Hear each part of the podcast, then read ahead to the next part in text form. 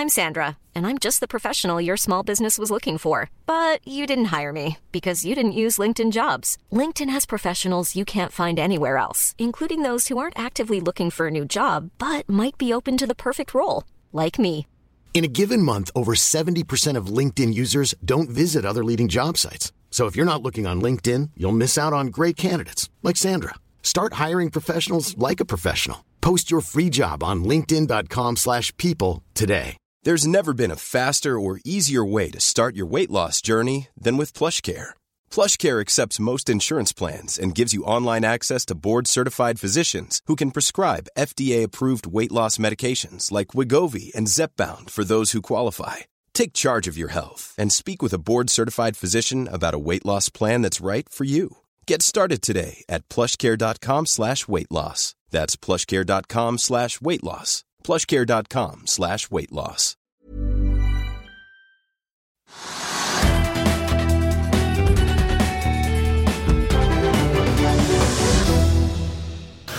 Hallo, god fredag og velkommen til Økonominyhetene. Mitt navn er Marius Lorentzen. Kalenderen viser 19. januar. Det verste snøværet ser ut til å ha gitt seg her på Østlandet. Politikere og næringslivstopper pakker i hvert fall sakene nede i Davos på World Economic Forum i dag.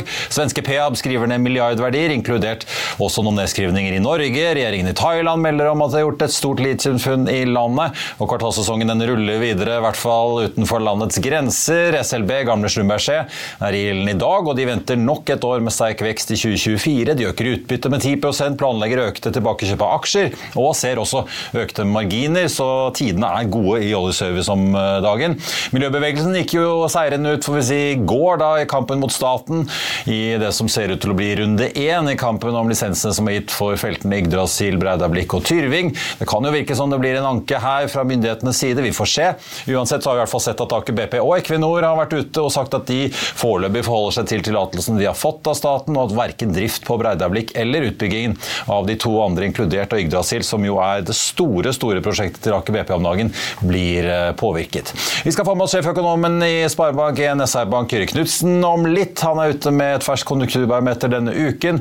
Vi skal høre mer fra Paretos kraftkonferanse, inkludert fra hun som har landet en deal med BlackRock på vindkraft. Og så skal vi også snakke bil med Andreas Scheel mot slutten av sendingen og se på kanskje det grommeste BMWs M-avdeling har å by på for tiden, hvis holdt jeg på å si, bankkontoen er stor nok. Hovedneksten på Oslo Børs opp rundt en halv prosent i dag, til nesten 1283 poeng. Vi endte jo sist fredag på 1298,75, så det spørs jo om vi ender uken da i pluss, hvis ikke vi får en ekstra god boost i nå neste snaue tre timene. Norden ellers stort sett rødt i dag, mest ned i Helsinki hvor de er ned en snau prosent. Ellers er det svak nedgang i Stockholm og København. Nedover på kontinentet er det stort sett grønt. Wall Street steg jo i går, og det ser ut til at vi får en oppgang der i dag også. Futuresene preker i hvert fall greit i pluss, får vi si. Shippingindeksen her hjemme tenkte jeg også å nevne. Den har nå fire dager på rad. Shipping har jo hatt veldig gode tider, som jo påvirker Oslo Børs. Vi ser en oppgang på nye 2% i dag. Vi hadde jo besøk av Klaveness Combination Carriers i Børsmorgen her i går, men hele sektoren har jo fått et pent løft. Vi ser at indeksen er opp eh, nesten 11% eller 10,7 av sin nyttår. Til sammenligning så er hovedindeksen ned 1,8. I Asia i dag litt blandet. Vi har jo sett det japanske aksjemarkedet stige til historiske høyder. Litt verre ser det ut i Kina, eller mye verre får vi si. Hang er ned 0,7 i dag i Hongkong, ned 10% nå siden nyttår. Og det tas jo nå grep, som Karl Johan Månes har vært inne på, for å stanse shorthandelen i Kina, bl.a. gjennom da landets største meglerhus Citic Security, som har stanset utlån til private investorer, og i tillegg hevet kravene for utlån av aksjer til institusjonelle klienter. Det opplyser Bloomberg i dag. Jeg nevnte svenske Peab. Det er jo tunge tider i byggenæringen om dagen. De tvinges nå til å skrive ned verdiene sine med over en halv milliard svenske kroner. Deler av nedskrivingen knytter seg til den norske virksomheten. og Peab sendte da torsdag ut et resultatvarsel som så ut til å skremme vettet av en god del investorer. Aksjen var ned over 10% på Stockholmsbørsen i formiddag formiddag, og nedskrivningene eh, på da 400 millioner knyttes direkte til boligprosjekter. og Det er da kostnadsoverskridelser som eh, særlig bidrar her. Og så er det også noen goodwill-nedskrivninger som er knyttet til den norske byggevirksomheten isolert eh, sett. Før vi kjører videre, så vil jeg bare minne om at hvis ikke du rekker å se denne sendingen, så kan du også høre den og søke opp Økonominyhetene i Spotify, Apple Podcast, eller gå inn på fino-podkast. Før vi tar inn Kyrre Knutsen i SR Bank, så tenkte jeg å ta med litt mer fra ukens kraft- og fornybarkonferanse i regi av Pareto her nede i Oslo sentrum. Vi begynte med kraftsjefen selv, holdt jeg på å si. Bare hør her. Lars Ove Skorpen, partner i Pareto, får jeg si vertskap får jeg si, for denne konferansen. Du er jo den store kraftguruen i uh, meglerhuset, som er veldig kjent for olje og gass, men jammen meg driver dere mye innenfor annen type kraft og fornybar òg. Nå har vi så å si alt som kryper og går av kraft- og fornybarnæringen uh, her i dag, inkludert noen oljeselskaper til og med, som har sendt sine fornybarfolk hit. Si litt om stemningen i denne næringen nå. Det er jo proppa fullt av folk her, men er det en optimistisk næring, eller litt forsiktig næring, eller? Nei, Jeg vil si den er optimistisk optimistisk, og det er helt riktig som du sier. Her er det fullt. Jeg tror vi er nesten 1000 påmeldt i dag, eh, så det er rekord. Eh, selv om jeg var litt skeptisk når jeg så det været i går, men eh, det ser ut som de fleste har kommet seg inn. Og jeg vil si det er en optimisme der ute. Det er litt pga. at vi ser at vi får nå fallende renter. Det bidrar til at avkastningskravet kommer ned. Da er folk litt mer på hugget. Så vil jeg også si at kostnaden med å bygge ut ny fornybar energi, den er fallende, spesielt på sol. Det er ikke sol noe stort i Norge. Eh, vi forventer 8 TWh kanskje fra nå frem til 2030. Men likevel, det er blitt uendelig mye viktigere enn hva vi hadde trodd hvis du går tre-fire år tilbake igjen. Da var det ingen som tenkte på sol i hele tatt. Men er det sånn, Vi har jo sett langrentene og markedsrentene komme ned, som du sier. Men eh, er det litt som disse sjeføkonomene sier om boligmarkedet, at folk må se rentetoppen og er trygg på at man ikke får noe verre før man tør å slå til og gjøre noen transaksjoner og investeringsbeslutninger? Ja, jeg tror langt på vei det er riktig. Eh, som en, eh, for en økonom så er jo det litt overraskende. Man skulle jo tro at liksom, hvis prognosene er der, så folk begynner kanskje å tenke at ok, da tilpasser vi oss allerede. Aksjemarkedet er jo ganske rasjonelt. Men, men jeg tror at vi må se det. Uh, og vi er jo litt sånn litt på vei ned. Og dess flere kutt vi får, og det går den veien, dess mer tror jeg vi vil se at iallfall det fallet vi har hatt på fornybar- og cleantech-aksjer, det kan stoppe opp. Kanskje i første halvår. Uh, og så får vi en oppgang. Jeg får si litt om det, Apropos de som følger med på kapitalmarkedet. Jeg har jo sett uh, Denne uken annonserte Eviny, gamle BKK og BlackRock at de uh, gjør en deal. Eviny overtar uh, disse vindparkene fra BlackRock som forlater Norge. hvordan ser transaksjonsmarkedet ut, og hva har du av forventninger på det fremover? Nei, Det er jo en kjempespennende transaksjon, og egentlig en transformerende transaksjon for, for Eveny, gamle BKK, som sikkert mange sier fortsatt, men Eveny. og det er klart, nå er dette er jo deres vei inn i, i, i vind. Og Vestlandet har jo fantastisk potensial, så det skulle bare mangle at ikke de uh, går inn i det markedet der. Uh, jeg tror at transaksjonsmarkedet kommer til å bli bedre. Og så er det jo selvfølgelig en del sektorer som på en måte ikke nødvendigvis vil ha like god medvind som, som kanskje fornybar. Og litt av grunnen til fornybar vil ha det bra, det er at vi, vi har hatt høye priser i 22. Prisene har kommet ned i 23, men liksom når du ser fremover, så skal prisene ligge betydelig over det de har ligget tradisjonelt inn før det kom inn i covid og Ukraina. Deretter ble det masse støy, men de ligger vesentlig høyere fremover. Og Det gjør også at økonomien i disse investeringene er nå blitt mye bedre.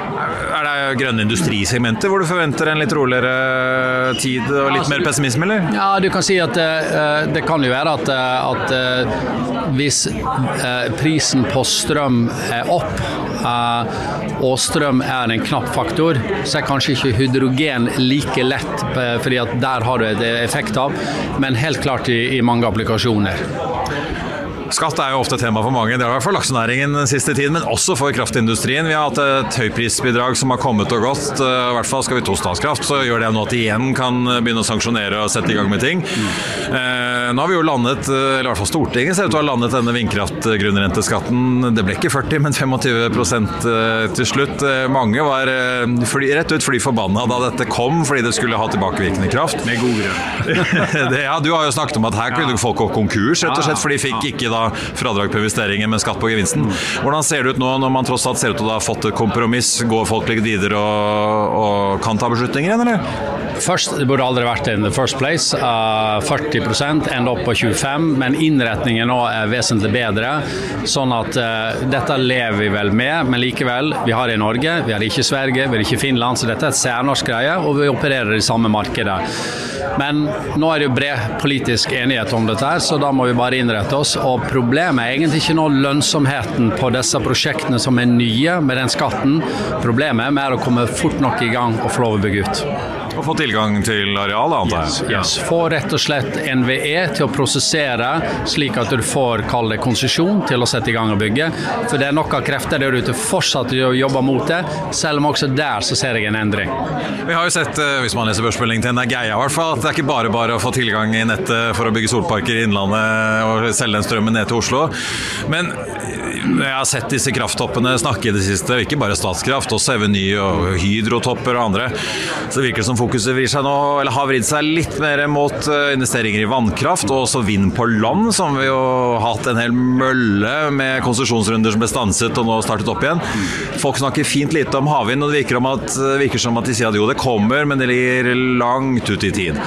Er det en slags sånn gjenoppblomstring for vind på land? Kan det hisse opp debatten igjen? Nei, ja, kanskje litt. Men det skulle bare mangle at ikke det er en diskusjon som kommer i gang igjen. Og det går jo fordi at det, det er kanskje tre ganger så dyrt å bygge offshore vind. Uh, der må du dunke på med subsidier. Uh, eh, 23 milliarder er liksom potten i subsidier på Sørlige Nordsjø 2. Har du på land, så kan du dra inn 25% grunnrenteskatt, og likevel så er det et uh, positivt prosjekt. Så det er klart det at Sånn sett så skjønner jeg at aktørene at, at de nå tenker opprusting av eksisterende kraftverk, pumping f.eks., for uh, fordi at vi trenger mer effekt, og onshore vind. Uh, offshore vind kommer, men det kommer til å bli litt lite i begynnelsen. Men forhåpentligvis, la oss håpe at vi kan levere på de 30 gigawattene vi tenker oss i 2040. Men det er langt fram til 2040. Det er lenge til, men er det sånn at kraftindustrien håper nå at politikerne og lokalpolitikerne skal liksom ta den fighten og få folk med på vind på land igjen? Det var jo veldig betent for noen år siden, eh, før man liksom tok denne konsesjonsrunden. Altså, jeg tror alle må jobbe for det. og det er klart at eh, Noen eh, lokalpolitikere stikker hodet ut. Eh, og Det er ikke alle steder du blir like populær i lokalsamfunnet ved å gjøre det, men likevel er også der så syns jeg ser en endring. Men så må vi være litt mer Vi må tenke oss litt om hvilken areal vi velger å bygge vind. Vi skal ikke ta de fineste rekreasjonsarealene for det. Vi skal kanskje ta heller areal som er delvis nedbygd av annen industri, hvor det kan kombineres ting på en litt smartere og bedre måte enn hva vi har gjort tidligere. Lars Ove Korpen i Pareto, tusen takk for at du tok deg tid til dette. Så får vi ønske deg et godt kraftår, da. Tusen takk skal du ha. Da skal vi snakke om eh, konjunkturene langs eh, jeg kan vel si gullkysten med oss nå. Så har vi sjeføkonom Kyrre Knutsen i Sparebank NSR Bank. Eh, god fredag, Kyrre. Hyggelig at du er med oss på linje fra oljehovedstaden, eller energihovedstaden. Var det vel Kari Nessan Nordtun, den tidligere ordføreren, nå statsråden, døpte dem til. Men selv om det virker som det går veldig bra i oljenæringen, som jo er veldig viktig for regionen, så er jo en av overskriftene her at det er en rekordsvak måling når dere spør bedriftene om hvordan de ser på fremtiden. Dette må du nesten forklare. Det virker jo litt schizofrent eller litt paradoksalt? Ja, eh, nå, Det som er litt gøy med dette barometeret, at vi måler faktisk hele Sør-Norge. Så eh, den eh, rekordsvake målingen den gjelder egentlig for bedriftenes utsikter altså i Sør-Norge, som i praksis er egentlig hele Norge. At forventningene til 2024 er at det blir noen her. Eh, for Rogaland sin del, altså energihovedstaden eller oljehovedstaden, så er det noe bedre. Eh, og her venter bedriftene omtrent et sånn eh, sideveis år, da, men de venter bl.a. flere ansatte, mens resten, av landet er mer sånn uendra. Så det blir nok ganske store geografiske forskjeller det året som kommer, og mye skyldes jo selvfølgelig energibransjen. Ja, Nå har du snart hissa på deg hele Nord-Norge, men uh, vi skal ikke ta den nå. Men ja, fordi, uh, er, det, er, det, da liksom rett og slett uh, aktiviteten i olje og gass som da holder ting litt oppe? da, mens vi ser jo, altså Jeg nevnte jo Peab tidligere i sendingen her, men mm. de er jo langt ifra de eneste vi har hørt. Det, det, virker jo som en del makroøkonomer tror liksom at bygg og anlegg omtrent alene drar ned mye av norsk økonomi for tiden, så mye mm. som det bremser opp der. Ja, absolutt. Og vi ser veldig store bransjevise forskjeller. Bygg og anlegg er jo desidert svakest. og Der er det heller ikke noe um, lysning i 2024. Jeg hadde kanskje trodd at vi skulle begynne liksom å se bunnen i løpet av året. Men uh, i hvert fall forventningen til bransjen selv i dette barometeret er at det blir et uh, tungt og trått år. Uh, og som du nevnte, dette med nedskrivninger og sånt, det, det, det, kan jo tale for at det kommer flere av den type meldinger. At det er vanskelig å få opp aktiviteten igjen, og ikke minst lønnsomheten.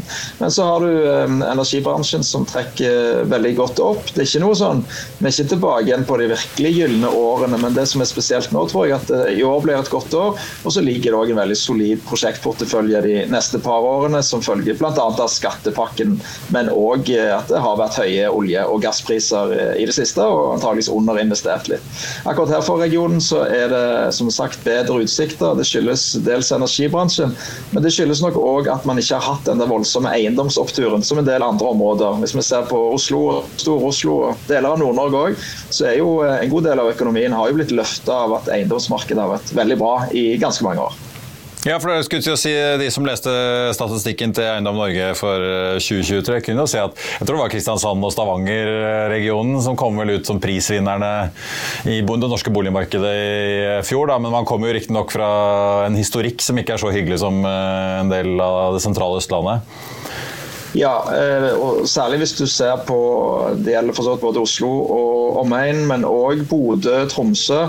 Så har man jo hatt en eh, ganske sterk oppgang i prisene de siste ti årene. Eh, og kom til nivåer som er langt over snittet i Norge.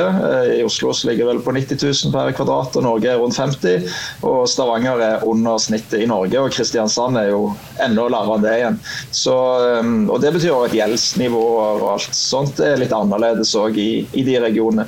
I tillegg så ser vi også, jeg vil si For boligmarkedet så ser vi det allerede i, i, prisene, men det kanskje viktigste er faktisk å se på usolgte boliger akkurat nå. Det er Mange som mener at det kommer en sånn skikkelig opptur eh, siden det bygges så lite, men det er jo rart å se for seg at det skal komme en skikkelig opptur eh, med mindre det er litt mangel på boliger. Og Akkurat nå så er det veldig mye flere boliger for salg, særlig ja, ikke i Oslo, men rundt Oslo. Alt fra Drammen til Ski og Ås eh, og Romerike, eh, og, og nordover i Bodø Bodø og, og, rundt der så er det mye flere boliger for salg enn normalt. Så vi får nok en sånn en, eh, ganske store forskjeller òg i de boligmarkedene i ulike regioner i Norge i, i 2024. Vi må snakke litt om uh, ledighet òg. Jeg vet ikke om du ser noe tegn til det. fordi åpenbart bygg og anlegg, uh, der vet vi jo det er nedbemanning. altså til og med holdt jeg på å si, De som lever rundt bygg og anlegg, altså Maxbo og andre driver jo permitterer og nedbemanner. Vi var jo i Sandefjord på den olje- og energikonferansen tidligere i uken.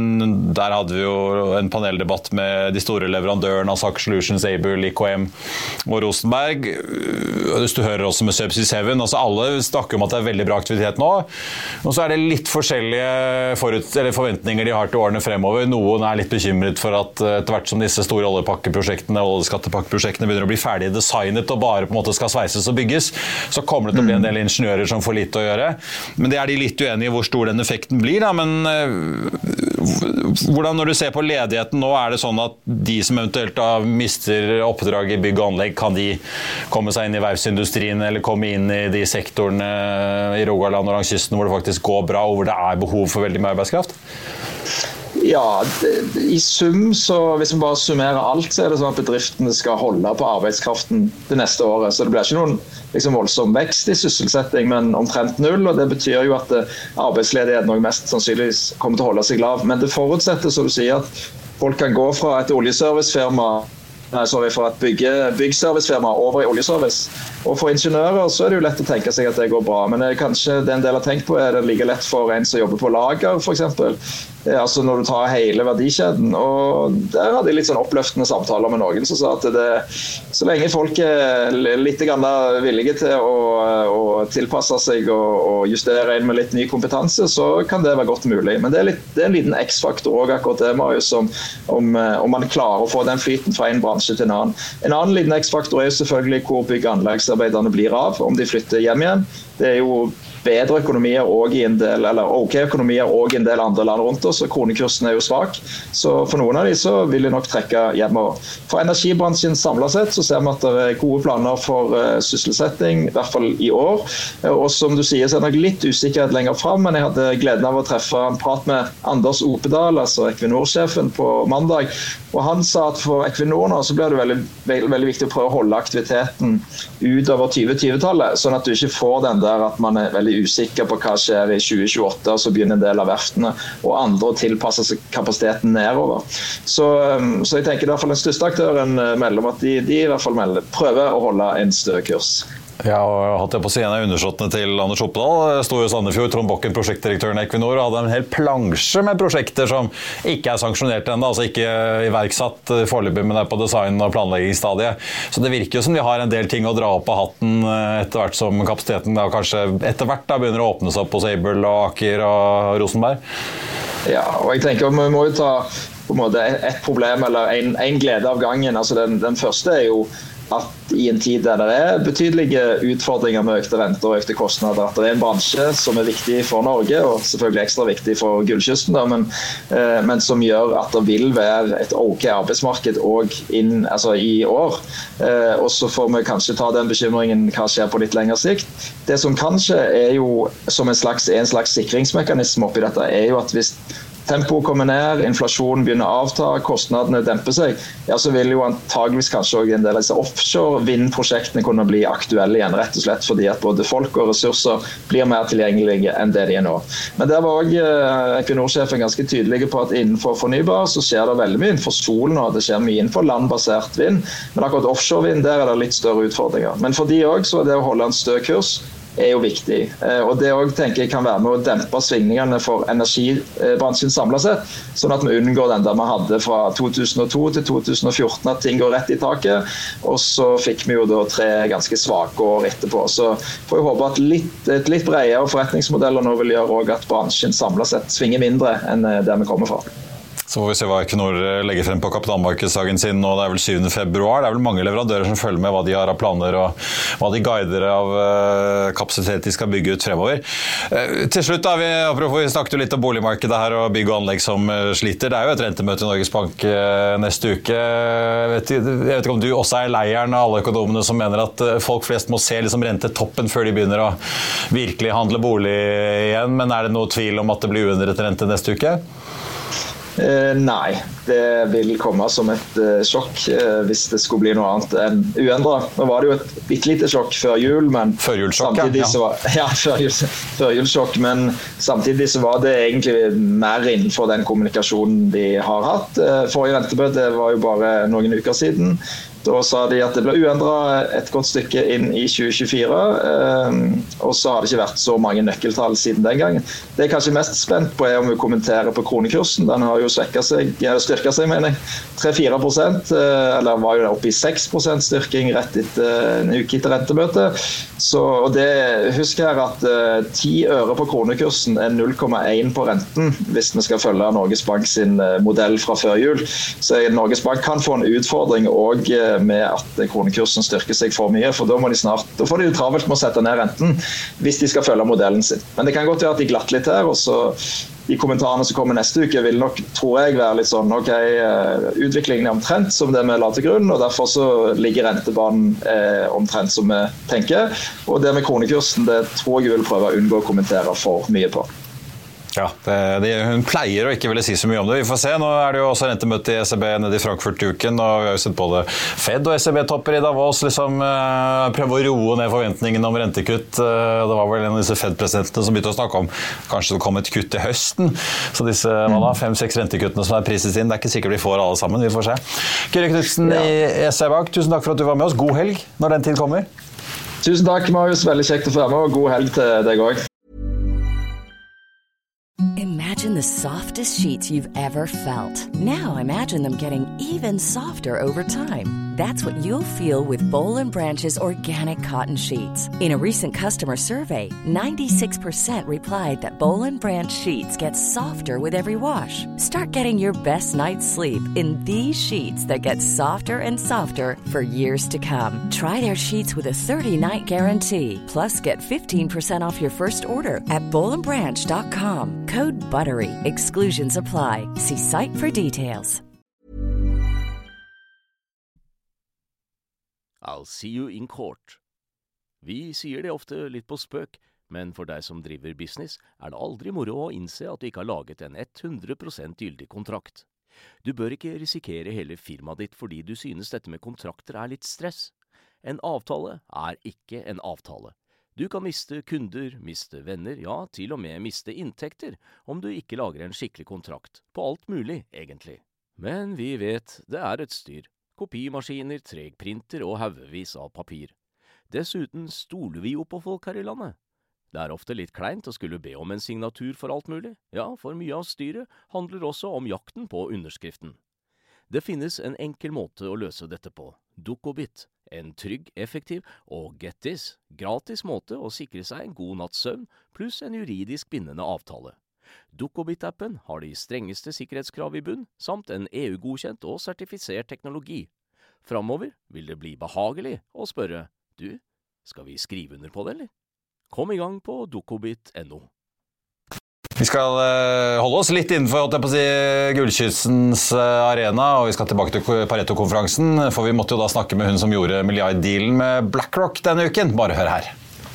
Ragnhild Janbu Fresvik, konsernsjef i Eveny. Vi møttes igjen. Vi, snakker, vi snakket sammen på NHOs årskonferanse, men siden sist har det skjedd store ting. Dere har inngått en avtale med BlackRock som forlater Norge, fordi dere kjøper da to store vindparker av dem for en, hvert fall en selskapsverdi på litt over 5 milliarder kroner, da, eller 500 6 milliarder kroner, ja, faktisk. Ja, ok, da Eurokursen min er litt dårlig i hodet. 537,5 millioner euro, i hvert fall. På eh, selskapsverdi så er det jo litt gjeld der og sånn.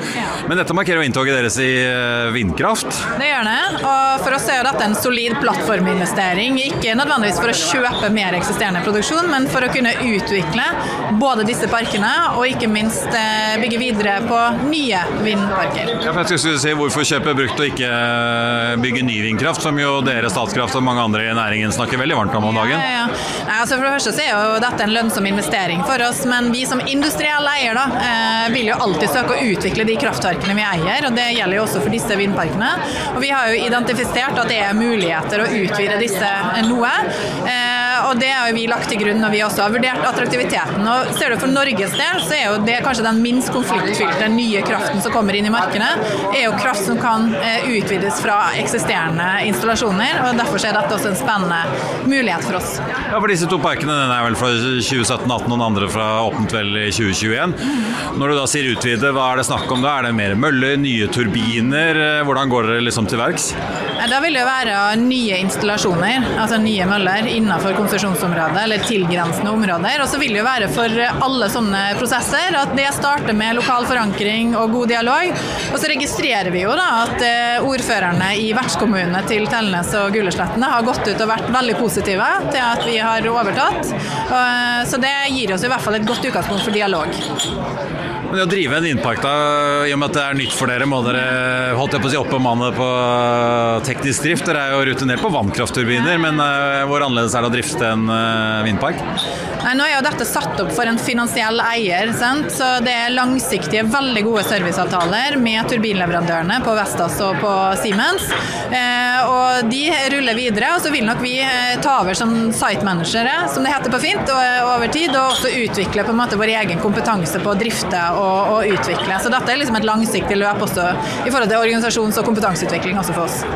Vi hørte fra Lars Ove Skorpen her, så har jo grunnrenteskatten på eh, vindkraft på land eh, vært en ganske het potet i næringen. Den ble jo landet nå på 25 Eh, Det ble jo skremt først med 40 som jeg tror det fikk kalt nedover ryggen på en del. Hvordan har det påvirket dere nå? Det hadde vel kanskje ikke vært mulig å lande en sånn deal uten å få en avklaring hvert fall på hva skattenivået skal bli? Nei. Jeg tror både for uh, selger og for uh, kjøper her så har det vært helt avgjørende at det kom på plass et bredt politisk kompromiss uh, på den skatten. Og så er det jo et faktum at den har vært verdsatt i denne transaksjonen, og vi har regnet både begge parter og kommet til ca. samme verdi. Så det var avgjørende at den ble landet for, for å kunne gjennomføre den transaksjonen. Til slutt vil jeg bare høre med deg, for Det er jo en del som snakker om nettopp politisk risiko i Norge når vi har sett både lakseskatt, kraftskatt, høyprisbidrag komme og gå. Justeringer i oljeskatten har vi jo til og med sett. Nå er jo BlackRock da tydeligvis ut av Norge, i hvert fall inntil eh, videre. Hvordan påvirker det dere nå, når dere kanskje da ser på enten nyetableringer eller å kjøpe eksisterende anlegg? Blir konkurransen litt mindre hvis det er noen europeiske eller amerikanske eller andre globale aktører som plutselig står over Norge i denne omgang? Jeg vil først si at Det er synd for Norge at BlackRock trekker seg ut. Vi trenger veldig mye kapital, også utenlandskapital, i Norge for å klare å gjøre de store løftene. Eh, og så tror jeg at på en måte det har vært en viktig lærepenge, kanskje både for fornybarnæringen og ikke minst for politikerne. Det som skjedde nettopp rundt høyprisbidraget og uh, forutsigbare rammevilkår rundt vind, som de facto har satt en investeringsstopp på uh, behovet for fornybar energi. Så vi håper jo at den prosessen har vært en viktig lærepenge, og at uh, det vi så nå i desember er starten på brede politiske kompromiss for fornybarnæringen. Ragnhild eh, Jambu Fresvik i BVNY, tusen takk for at du var med oss. Tenkte jeg skulle ta med et par eh, nyheter vi har fått underveis i sendingen her som eh, kan være verdt å få med seg. Det ene er at EU-kommisjonen har lagt ut en melding nå som kan være ganske banebrytende for norske VIPs. Det ser nemlig ut til at Apple da faktisk kommer til å åpne NFC-brikken sin, som gjør at eh, aktører som da VIPs kan faktisk konkurrere på like vilkår med å la kundene da bare tappe mobilen på kortterminaler, som jo i dag er et lukket økosystem da kun for Apples produkter. Vi skal følge med på det. Det andre jeg tenkte å nevne, er Aftenposten som melder at Trude Våle Kvalheim, sjefen i Arbeidstilsynet, går av. Avisen skrev jo da i forrige uke om at tillitsvalgte da har sendt inn eh, varsler og omtaler arbeidsmiljøet i Arbeidstilsynet som helsefarlig, ironisk nok. Mer om det kan du sikkert få på FAN og utover ettermiddagen. Da er det tid for bil, og bokstaven M er jo spesiell. Ikke bare fordi det er forbokstaven i mitt navn, jeg tenker mer for de bilinteresserte. Her er nemlig en M fra BMW som har fått mange til å sperre opp øynene, i hvert fall designmessig. Bare se her.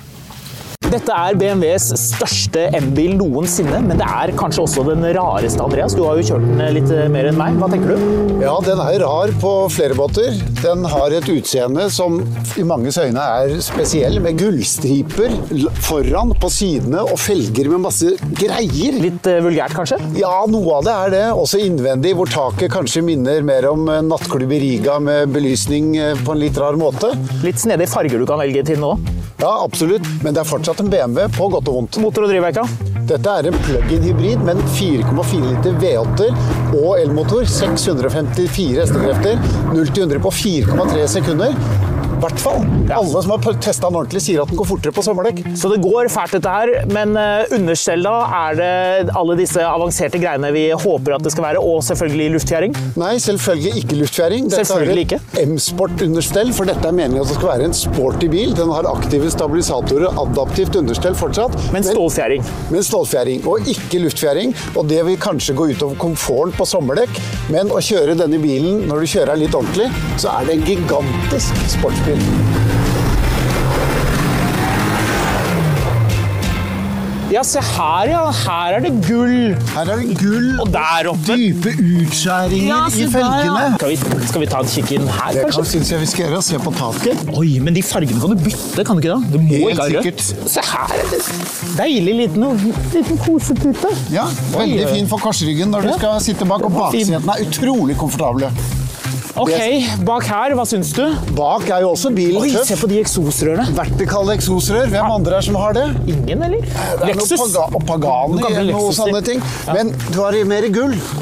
Mer gull. Mer ja. gull. Gullogo, naturligvis. Selvfølgelig. Er det noe plass bak her, da? Det er plass, men eh, batteriet spiser selvfølgelig litt høyde. Men eh, du får med kofferten og skiene og det du trenger. Ja, Der er ladet ledning. Ja, Hvor langt går den på strøm? Den skal gå åtte mil på strøm, men eh, det er nedoverbakke om sommeren. Mer gull, ja. Men ok, fra førersetet, hvordan oppleves det? Som en vanlig BMW på veldig mange måter, og det er bra. Du sitter godt, selv om stolene kanskje kunne hatt litt mer sidestøtte. Enda mer? Ja, det, du, her, du klemmes fast nede, men ikke med skuldrene. Ja. Eller så har du curved display, du har eh, karbon, Alcantara, Bowers Wilkins-anlegg til 50 000 kroner som lager kjempelyd, så du kan overdøve V8-eren hvis du ønsker det. Veldig merkelig det skinninteriøret her. Hva i all verden er dette for noe Det er noe spesialskinn med merino og det ene med det andre, men det som er pussig er at i lommene foran her Ja. er det plast. Å ja, der er det Men- plast. I lommene bak så er det skinn. Så passasjerene skal ha det bedre enn sjåføren. Så rart. Men det minner veldig om X5 XX facelift der inne. Det er ikke noe helt sånn ferskt sånn sett på innsiden. Nei, det er noen av disse mønstrete tingene som kanskje bare skiller seg litt ut. Ellers er det veldig typisk BMW M her inne, med M1 og M2-knapper for hurtigoppsett, girhendler på rattet. Men du har holdt på med dette såpass lenge at du var eh, en av de første som kjørte Cayenne Turbo da den var ny. Hvordan vil du sammenligne den bilen med den her? da? Har det skjedd mye siden da? Ja, det er blitt strammere og tøffere, men det er fortsatt store SUV-er med V8-er som går fort, men de er tunge, og det kommer du ikke unna, så det blir jo aldri en ordentlig sportsbil. Jeg må si, jeg liker bilen. Den er festlig å kjøre. Jeg har ikke kjørt den på sommerføre, men som vinterbil så er den genial. Å kjøre opp til fjellet mens alle andre allerede sitter foran peisen og varmer seg, så er det din tur å kjøre alene opp fjellveiene sidelengs. Alt du trenger for en deilig kjøretur. Ja, Er det det? Ja. Eller er det noe som mangler? Altså, Kjøre på el og, og koblingen mellom de fungerer greit, men girkassen virker litt tregere enn den gjør på andre BMW-modeller. og Om det har med den type drivlinjen at eh, V8-eren og elmotoren sliter med å bli enige om når og hvordan, det er mulig, men av og til virker det litt tregt, selv når du bruker hendene. Så konklusjonen er du liker den, men dette er ikke en perfekt BMW M-bil. Nei, det er det vel ikke, men er det noe som er det? Ja, det er det. BMW M5 er en perfekt M-bil. BMW X5M er kanskje en perfekt M-bil hvis du skal ha en SUV. BMW X6M er en veldig bra bil, og hvis du ikke vil ha en så stor bil, men du vil ha en bil som er like vel ganske rask, så går det an å gå for en eh, M3 M3 stasjonsvogn, M3 CS, M4 CSL. Det er ganske mange M-biler å velge mellom. Kanskje ikke velge den her, eller? Du skal på fjell om vinteren. Det var det der i fjellet. Ja, da må man jo. Ja. Selvfølgelig. Ja, sånn er det.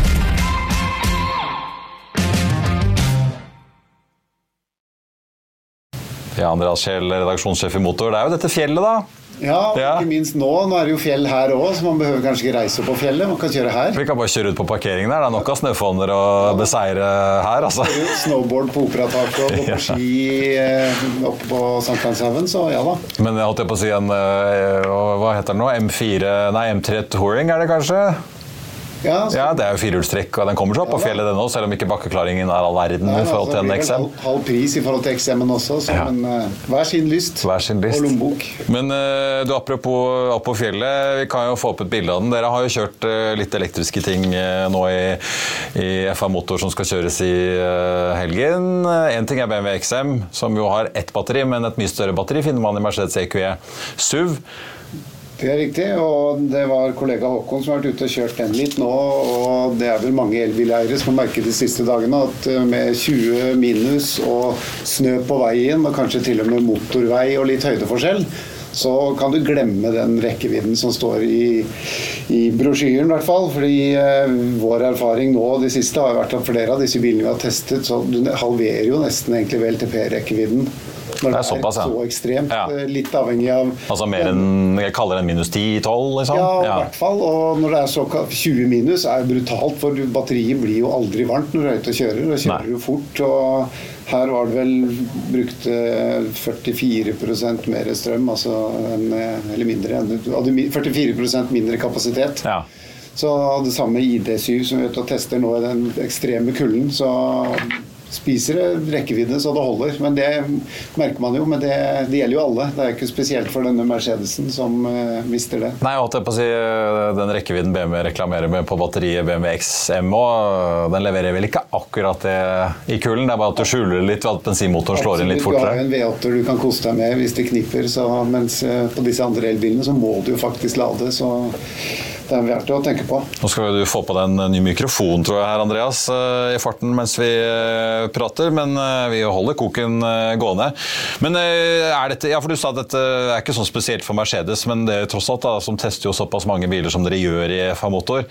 Er det sånn at man begynner å se litt forskjeller? Jeg har jo hørt en del kritikk mot det kinesiske, men er det liksom en rettferdig kritikk? Er det liksom bedre hvis du kjøper Kia EV9 fra Korea eller noen av disse europeiske aktørene? Generelt på batteribruken så er det nok ikke det. Det er mer kjøremønster og litt hvordan bilen ser ut. Ja. Alltid en lav bil utnytter jo energien bedre enn en stor, høy bil. Så å si at kinesiske biler er noe dårligere Jeg tror kilowatt er omtrent det samme der, selv om de har andre ting de sliter med, med klima og, og, sånne ting. Så kilowatt er vel fortsatt kilowatt. Så er det den formarmingen man må passe på, da, hvis man i hvert fall skal få man, noe fres på ladingen hvis man eh, når man da stopper med et uh, snart tomt batteri langs motorveien eh, i mange minusgrader. Nemlig. Ja.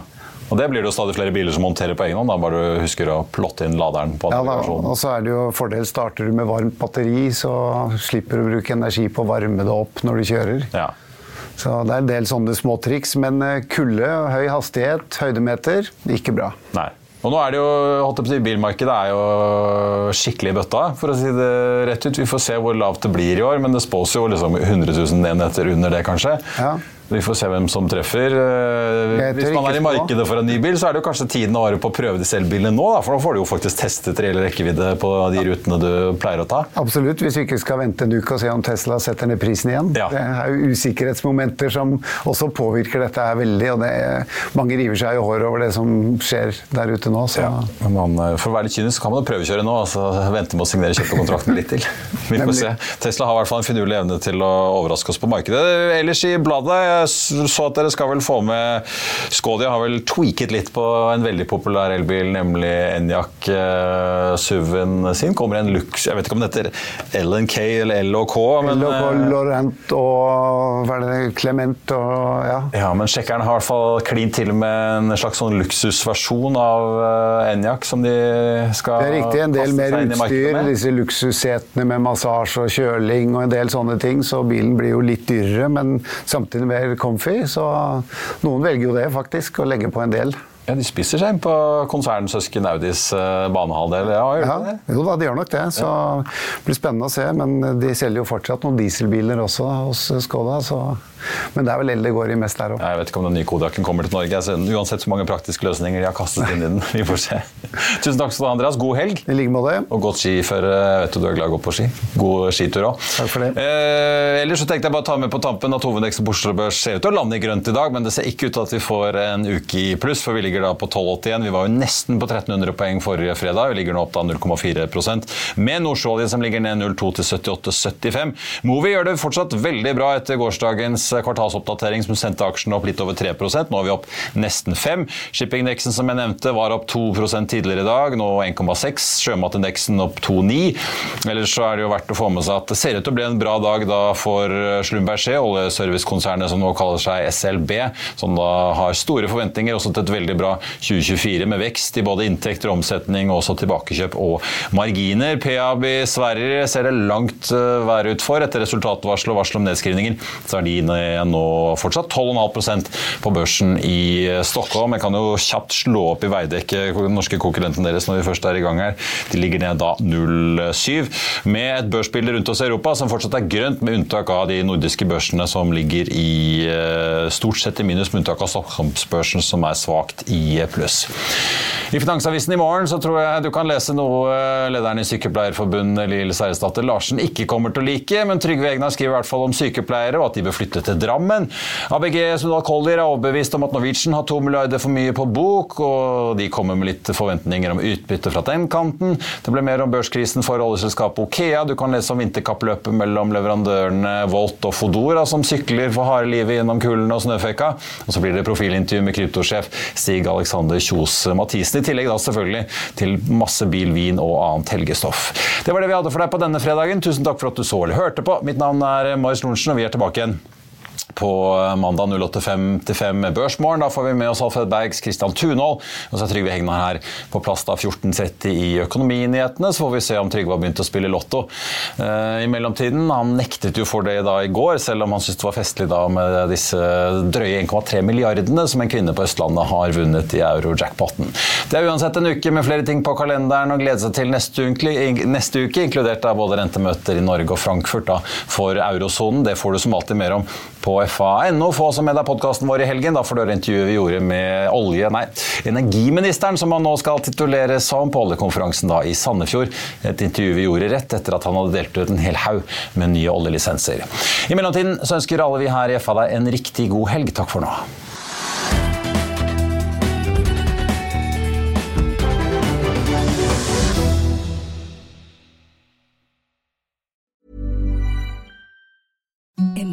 Softest sheets you've ever felt. Now imagine them getting even softer over time. That's what you'll feel with Bowl and Branch's organic cotton sheets. In a recent customer survey, 96% replied that Bowl and Branch sheets get softer with every wash. Start getting your best night's sleep in these sheets that get softer and softer for years to come. Try their sheets with a 30-night guarantee. Plus, get 15% off your first order at bowlandbranch.com. Code BUTTERY. Exclusions apply. See site for details. Hi, I'm Daniel, founder of Pretty Litter. Did you know cats tend to hide symptoms of sickness and pain? I learned this the hard way after losing my cat, Gingy. So I created Pretty Litter, a health monitoring litter that helps detect early signs of illness by changing colors, saving you money and potentially your cat's life. Pretty Litter is veterinarian developed, and it's the easiest way to keep tabs on your fur baby's health right at home. Go to prettylitter.com and use code ACAST for 20% off your first order and a free cat toy. Terms and conditions apply. See site for details. Planning for your next trip? Elevate your travel style with Quince. Quince has all the jet setting essentials you'll want for your next getaway, like European linen, premium luggage options, buttery soft Italian leather bags, and so much more. And is all priced at 50 to 80% less than similar brands. Plus, Quince only works with factories that use safe and ethical manufacturing practices.